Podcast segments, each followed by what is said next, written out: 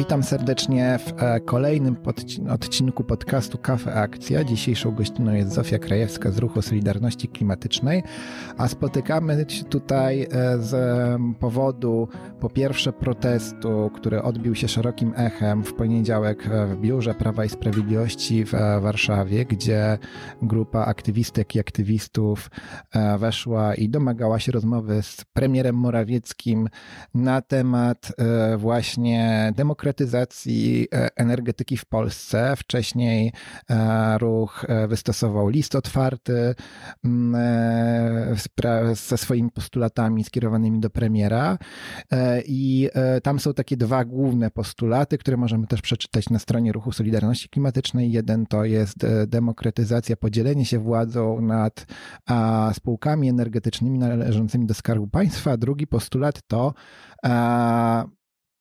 spółdzielnia energetyczna e, w każdej polskiej gminie.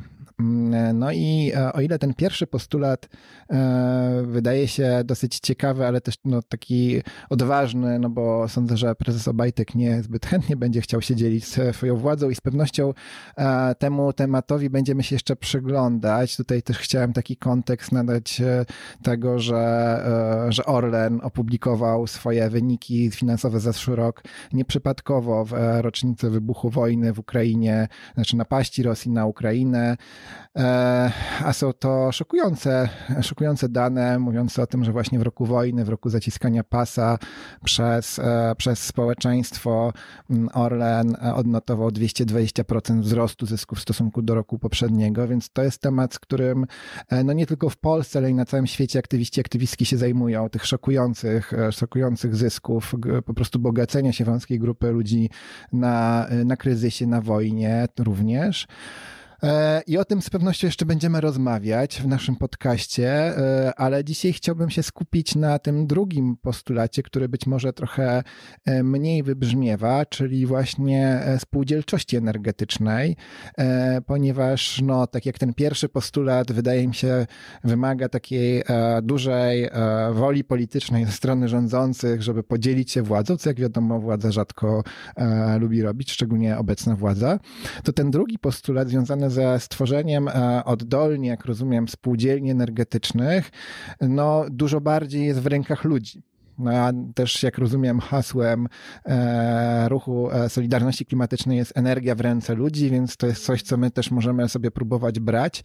I też chyba jeszcze chcę taki nadać kontekst naszej rozmowie, że często spółdzielczość w Polsce no, nie jest super e, dobrze kojarzona. Spółdzielnie różną mają opinię i też jako taki być może niezbyt mm, nowoczesny sposób zarządzania, gospodarowania, no ale Wiemy, że na całym świecie ten kierunek już jest mocno obecny i jak myślimy też takiej przyszłości w ogóle e, funkcjonowania, no też w świecie, e, na który e, zmiany klimatyczne będą miały coraz i coraz większy wpływ, no że ta właśnie współpraca, lokalność mają coraz większe znaczenie, tak, że jakby współpraca ludzi w rozwiązywaniu ich najważniejszych problemów, no to też jest chociażby z innej perspektywy taka rola samorządu, którą szczególnie w Polsce widzi się, że jest bardzo istotna i samorządy no, mają duże poparcie społeczne i jest to ta, ta, ta lokalność. Więc to ja tu jeszcze rozumiem, że jeszcze chodzi o coś jeszcze bardziej lokalnego niż samorząd, e, chociaż no, na poziomie gminy, ale rozumiem, że spółdzielnia jest czymś mniejszym niż, niż władza samorządowa.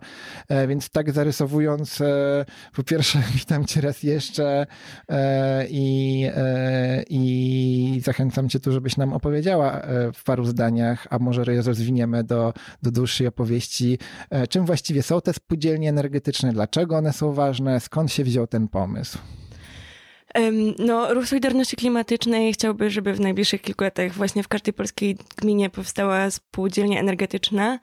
I to jest z jednej strony właśnie w takim duchu um, odbudowy mm, lokalnych sieci, wspólnot, współpracy, żeby ta energia była produkowana lokalnie, była zielona, ale też równocześnie, żebyśmy nie szli w takim kierunku, e, w jakim trochę myślę, że w Polsce mamy tendencję, żeby iść, czyli teraz stawiamy sobie taką alternatywę, że albo będziemy brać energię od właśnie wielkich koncernów energetycznych, które nas wykorzystują, albo będziemy sobie inwestować w swoje własne panele fotowoltaiczne na dachu i będziemy się uniezależniać jako jednostki, jako rodziny.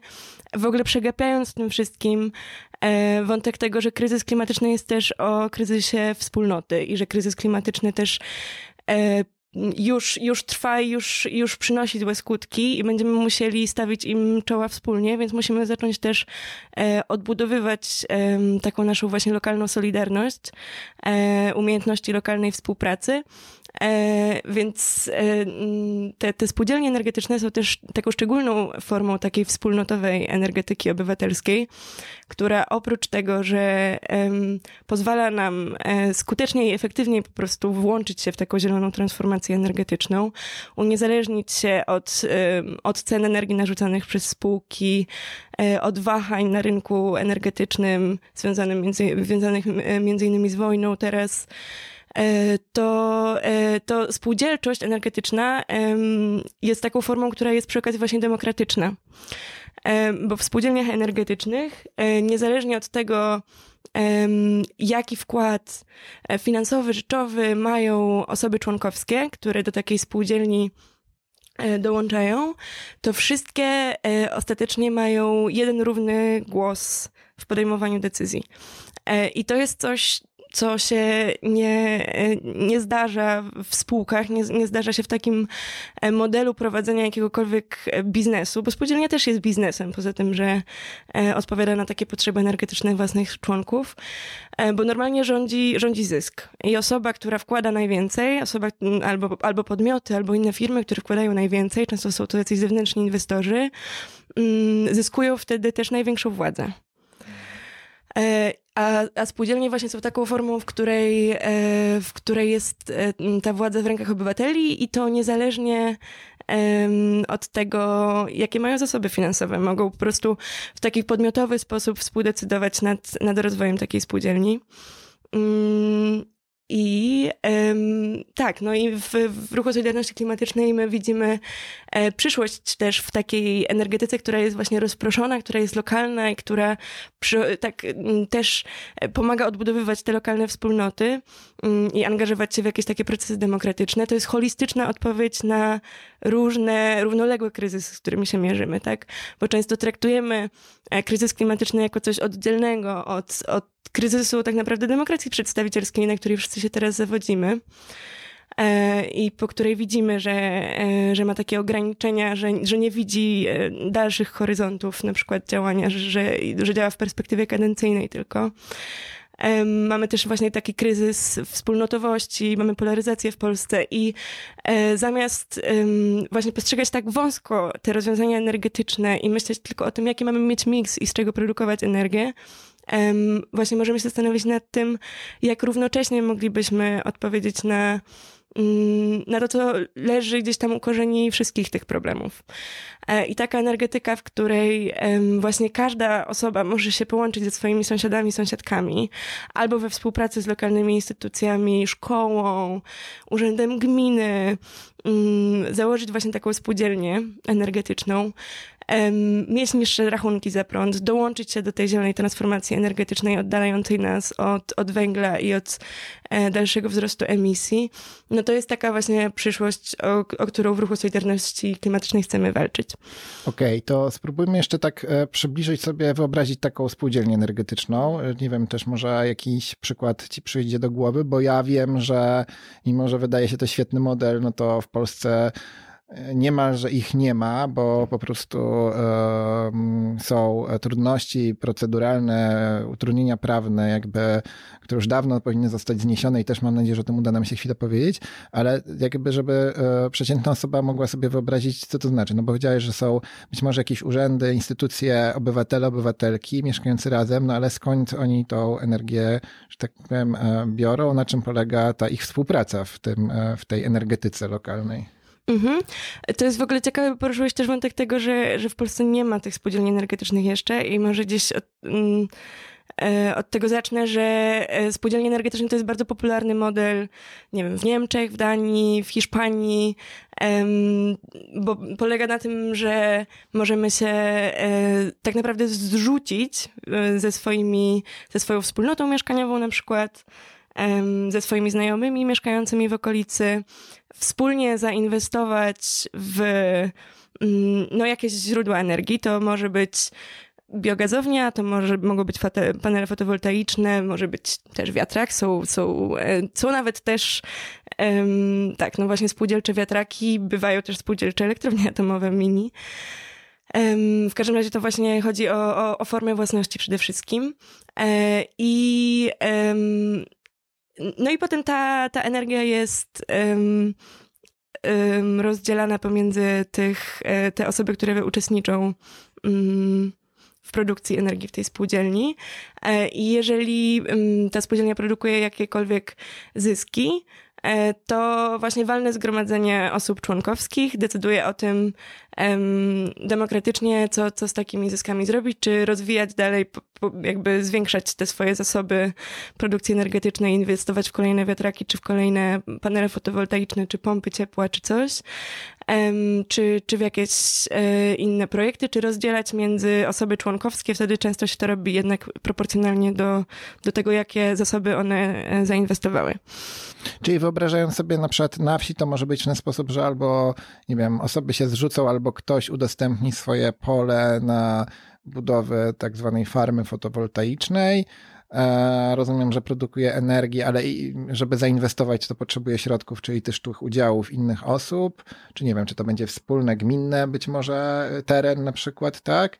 I, e, i po prostu wspólnie decydują, jak to ma wyglądać i jak później tymi zyskami się dzielić. Ewentualnie no, jakoś mają porozumienie odnośnie tego, kto więcej włożył, ten rozumiem, że więcej po prostu e, dostanie e, tej energii, czy tam też tego, tego zysku. To już porozumienie między tymi udział, spółdzielcami zachodzi, ale jeżeli chodzi o, o to, jak zarządzać, to podejmują demokratycznie, jak nie wiem, w stowarzyszeniu, że po prostu każdy, kto tam wszedł do tej spółdzielni, um, ma prawo głosu i decyzji o tym, mhm. jak to się ma rozwijać. Czy spółdzielnie też mogą mieć demokratycznie wybrany zarząd, ale to jest trochę taka odwrotna sytuacja niż w firmie, gdy to um, jakby społeczność wybiera sobie szefa, a nie na odwrót.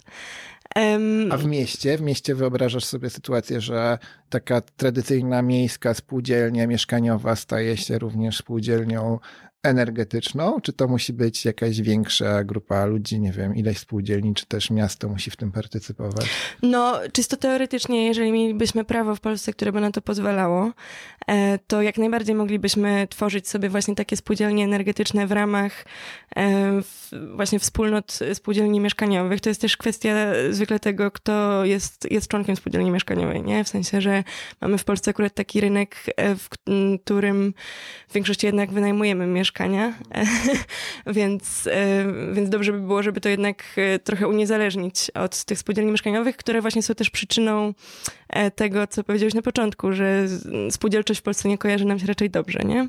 Chociaż, chociaż nie musi, tak? No bo też jest bardzo stary model zarządzania, który nie był jakoś pod, pod, pod poddawane takiej refleksji po prostu funkcjonowały i tak dalej. A tutaj rozumiem, że wchodzi jakiś zupełnie, że to nie jest właśnie spółdzielność tak jak spółdzielczość mieszkaniowa, tylko jakiś nowy zupełnie rodzaj myślenia o, o spółdzielczości, o takiej kooperacji. Ja to chyba wolałbym w ogóle używać mhm. słowa kooperatywy energetyczne niż, niż spółdzielnie, żeby nadać temu jakąś taki właśnie taką nową energię.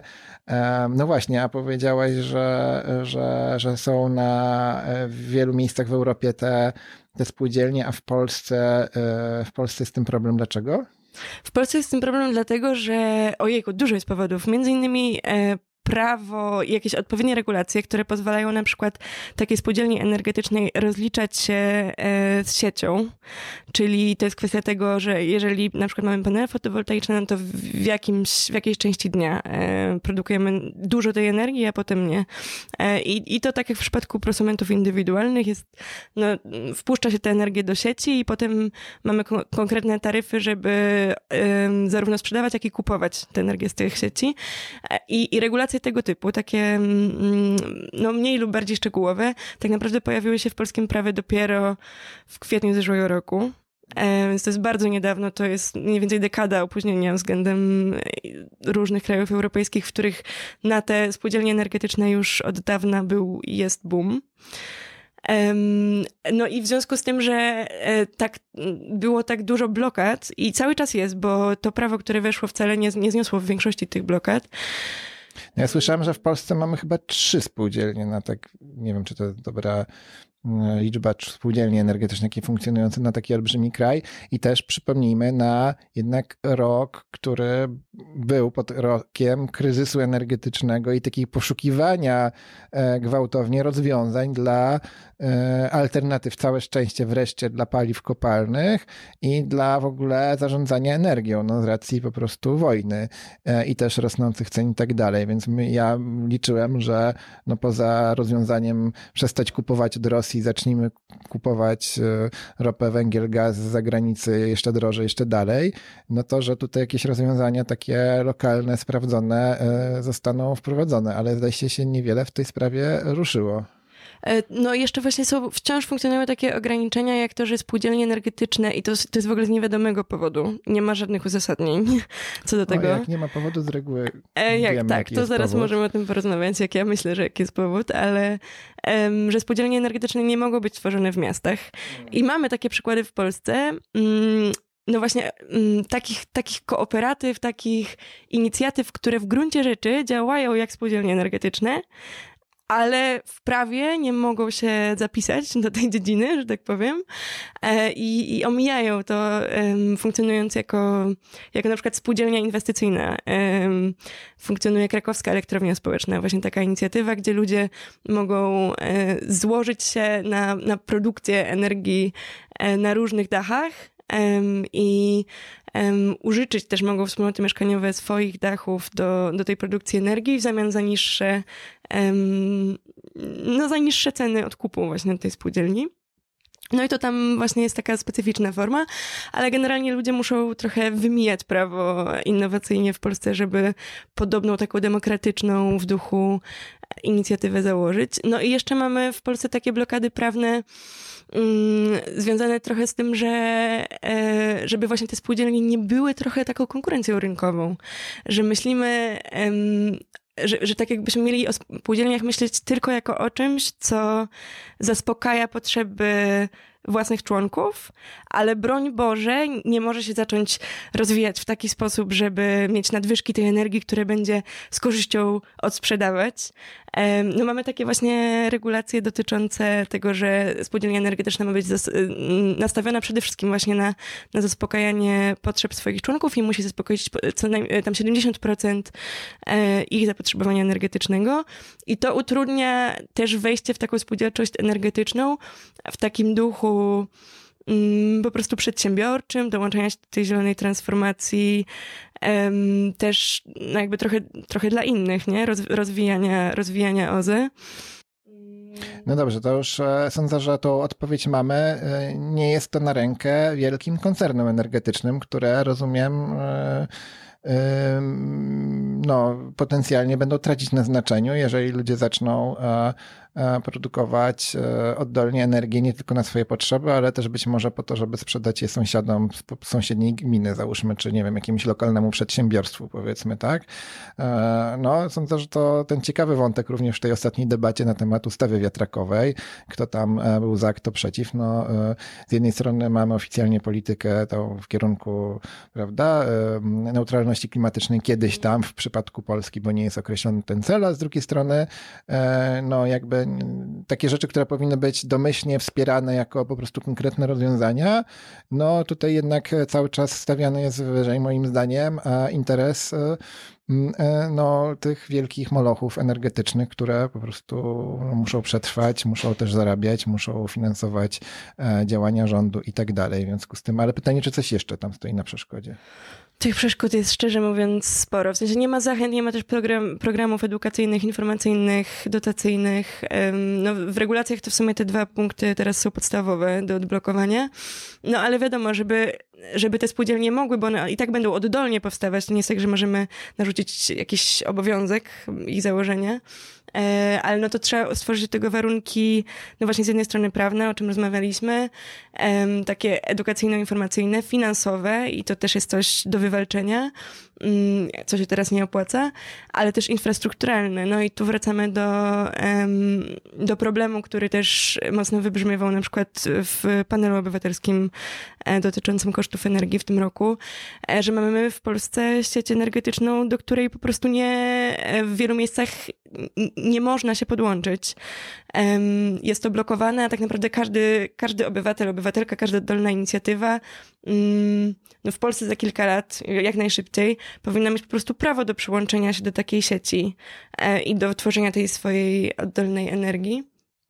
No to jest e, dużo drobnych sieci energetyczne i to wszyscy tym mówią, taki temat załatwienia po prostu, który blokuje nam totalnie rozwój odnawialne, odnawialnych źródeł energii, ponieważ ta sieć e, e, jest po prostu nieefektywna, jest przestarzała, to tak tłumacząc trochę i o tym się za każdym razem mówi, kiedy mówi się o odnawialnych źródłach energii, jest to po prostu taka rzecz też jedna z ważnych do załatwienia, ale jeszcze myślę o tej spółdzielczości, no bo tak mówisz, że z jednej strony przeszkody sprawne, z drugiej strony też brak zachęt. Rozumiem, że taką zachętą byłby ten możliwość generowania zysku, który by na przykład, nie wiem, na tej gminie, tym mieszkańcom, no wiadomo, że ludzie, jest też dużo takich przedsiębiorczych ludzi, no, którzy nie będą koniecznie robić takich rzeczy dla idei, czy nawet dla klimatu jeszcze, niestety nie, ale no, z taką wizją, że, że mogą podnieść jakość swojego życia dzięki temu, że zainwestują kasę w, w jakieś lokalne działania e, i tą współpracę na rzecz e, budowania energii.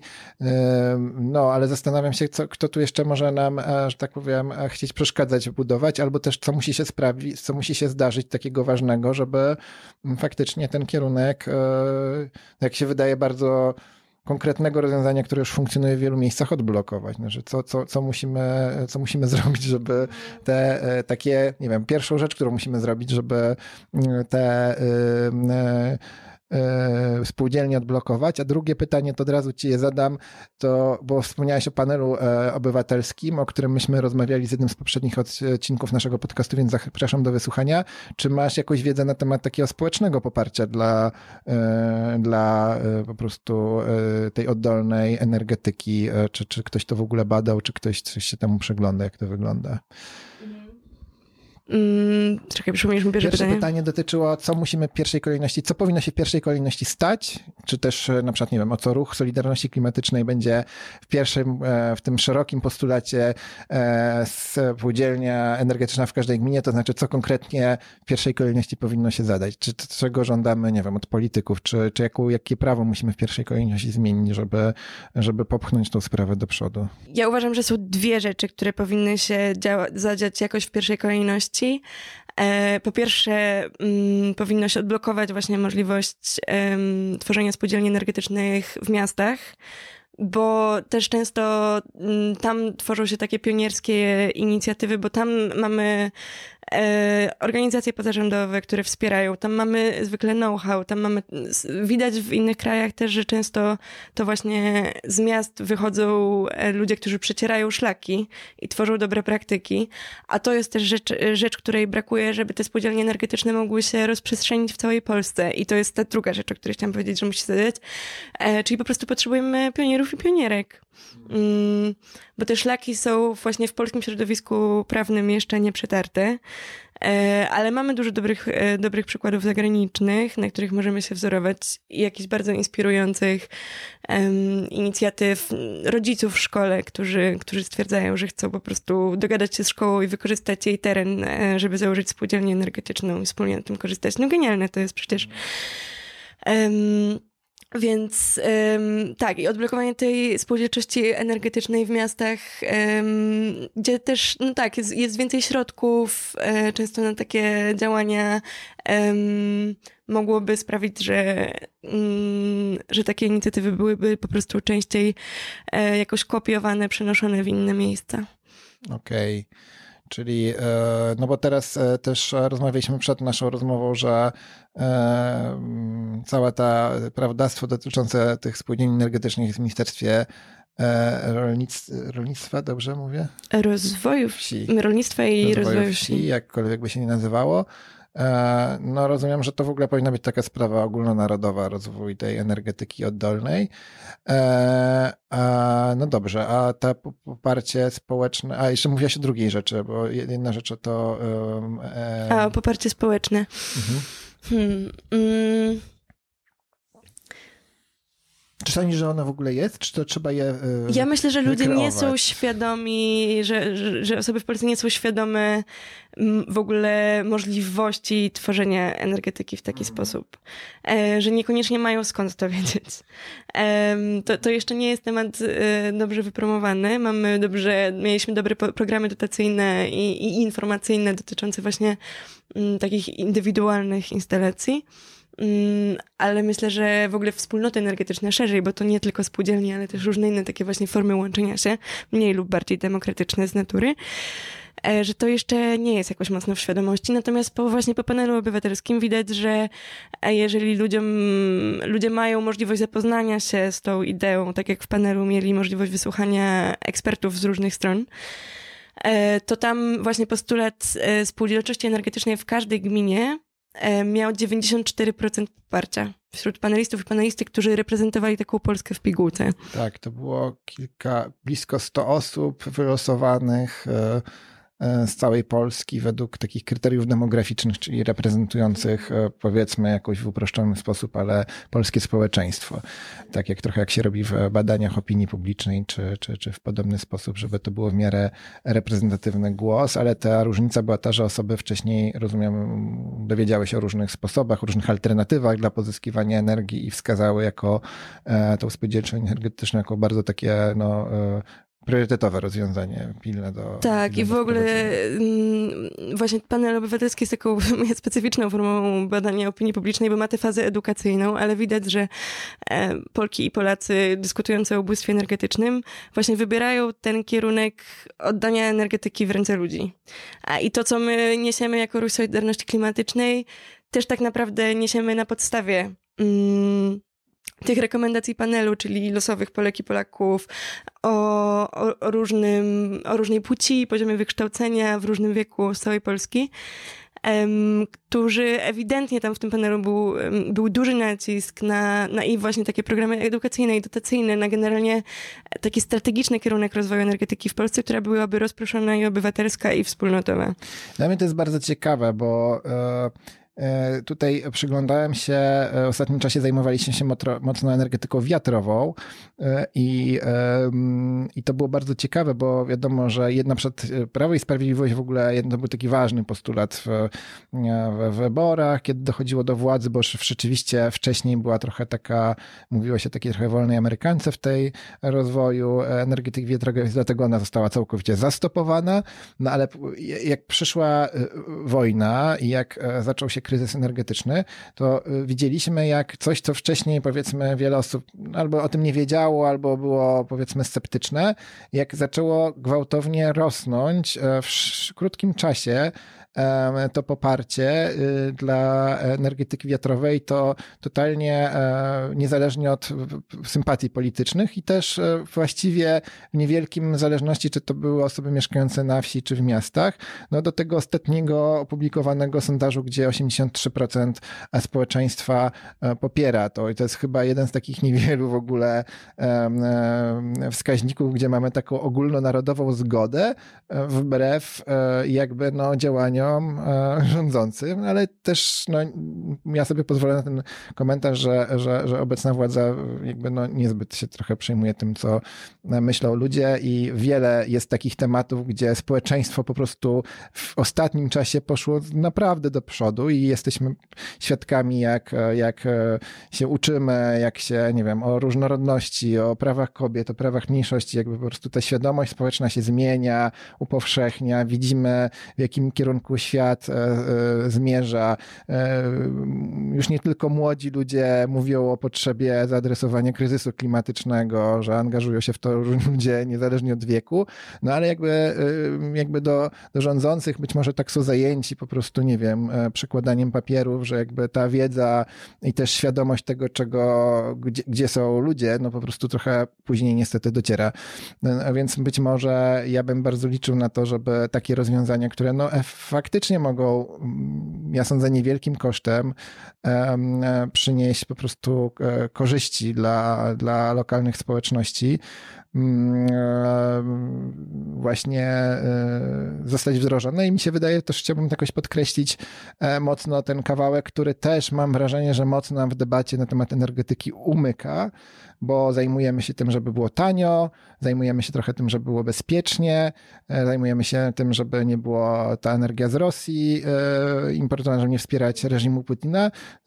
Zajmujemy się czasem jeszcze tym, że to ma nie szkodzić klimatowi, ale taki perspektywy, że właśnie energia to jest władza de facto i że ona, i że jakby ten świat po odejściu od paliw kopalnych, e, co mamy nadzieję, że stanie się jak najszybciej, a już wiemy, że po 2050 roku musi się wydarzyć, żeby, mm, żeby zrealizować cele, na które się cały świat zgodził, że ten świat może wyglądać zupełnie inaczej, w związku z tym, że to źródło władzy, jakim teraz jest ropa, gaz, węgiel, e, na czym wzbogacili się wielcy dyktatorzy imperia, po prostu będzie gdzie indziej. Jak sobie wyobrażasz taki świat?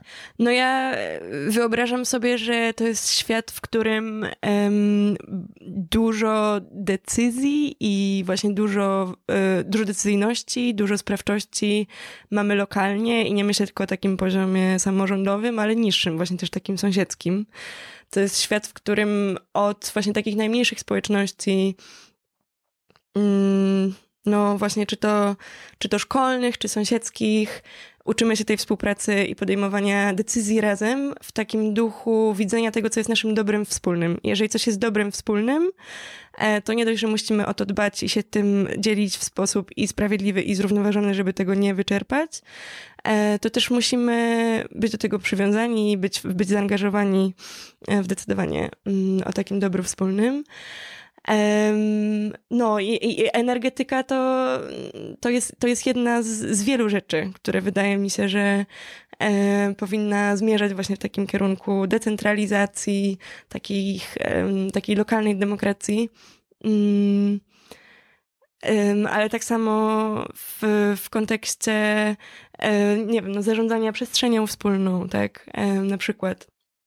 E, czy, e, czy kwestii inicjatyw takich kulturowych, że wyobrażam sobie po prostu świat, w którym mamy dużo silniejsze lokalne wspólnoty, które też dzięki takiej solidarności, silnym więziom są odporne mm, na radzenie sobie z kryzysami, które będą coraz częstsze, bo jak widać po ostatnich latach, pandemia, wojna, po prostu nie da się, nie da się zatrzymać. Cały czas potrzebujemy stawiać czemuś e, czoła, a, a najsilniej stawiamy czoła, jak jesteśmy razem.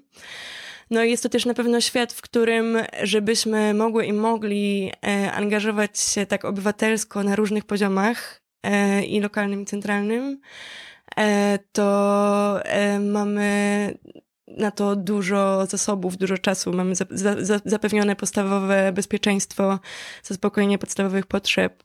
Mm, i, i jesteśmy solidarni, solidarne z tymi najuboższymi, których nie tylko potrafimy wesprzeć, dając im jakiś dodatek węglowy, tylko dając im takie faktyczne upodmiotowienie, czyli też udział w decyzyjności, um, um, udział w rozwoju pewnych inicjatyw. Dzięki za podzielenie się tą wizją i też sądzę, że no jestem bardzo przywiązany do tego, że musimy sobie wyobrażać ten świat e, już, który będzie i który wiemy, że będzie inny, a nie tak jak e, władza próbuje go zaklinać, że on właściwie to się nie zmieni, że tak, że, że, że, że jakoś strasząc tymi zmianami, raczej właśnie mam nadzieję, że też nasza rozmowa o spółdzielczości energetycznej e, jakoś pozwoliła przybliżyć, że to są takie rozwiązania, które na wielu polach potrafią przynieść benefity e, nie tylko właśnie finansowe, ale też takie społeczne, odbudowywać te więzi społeczne, które są niezwykle ważne, czy to, czy to w miastach. Ja z chęcią bym z moimi sąsiadami rozmawiał o tym, jak właśnie zagospodarować dach na bloku, w którym mieszkam, bo przecież olbrzymia powierzchnia, która mogłaby być albo ogrodem, albo właśnie e, mini elektrownią, a tak samo to nawet nie wiem z kim porozmawiać, a jakbym sądzę, że przyszedł i powiedział, że, że, że, że panele to, nie wiem, jaka reakcja by była, więc może ten pierwszy krok to rozmowa właśnie na ten temat.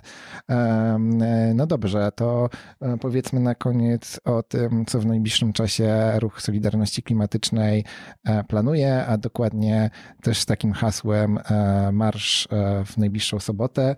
Czy możesz powiedzieć trzy zdania o tym marszu? 18 marca o godzinie 11 e, zapraszamy na marsz e, pod tymi samymi postulatami, e, z którymi dzielne aktywistki i aktywiści okupowali biuro PiS, czyli właśnie spółdzielczość energetyczna w każdej gminie i uspołecznienie spółek energetycznych. My też jako akcja będziemy na tym marszu, wspieramy i marsz, to dopowiem, zacznie się w sobotę 18 marca o godzinie 11 pod kancelarią premiera w Warszawie. E, więc też e, śledźcie, będziemy też o tym informować e, jako Akcja Demokracja, bo wydaje nam się, że wszystkie działania obecnie, które są dobrymi rozwiązaniami na rzecz kierunku, jakim jest Polska neutralna węglowo, Polska, która zmierza w kierunku odnawialnych źródeł energii, ale też no, z naszej nazwy, która proponuje rozwiązania, które są demokratyczne, które wspierają e, społeczności ludzi, a nie władze i korporacje, e, są wartymi popierania, nagłaśniania i też działania w celu e, wdrażania ich e, w, w konkretne rozwiązania prawne, co jak rozumiem dopiero przed nami długa droga, ale też z pewnością będziemy E, się tym zajmować. Dzisiaj rozmawiałem z Zofią Krajewską z ruchu e, Solidarności Klimatycznej. E, bardzo Ci dziękuję za tą rozmowę i życzę udanego marszu. Dzięki wielkie, dzięki Tobie i dzięki wszystkim słuchaczom, słuchaczkom.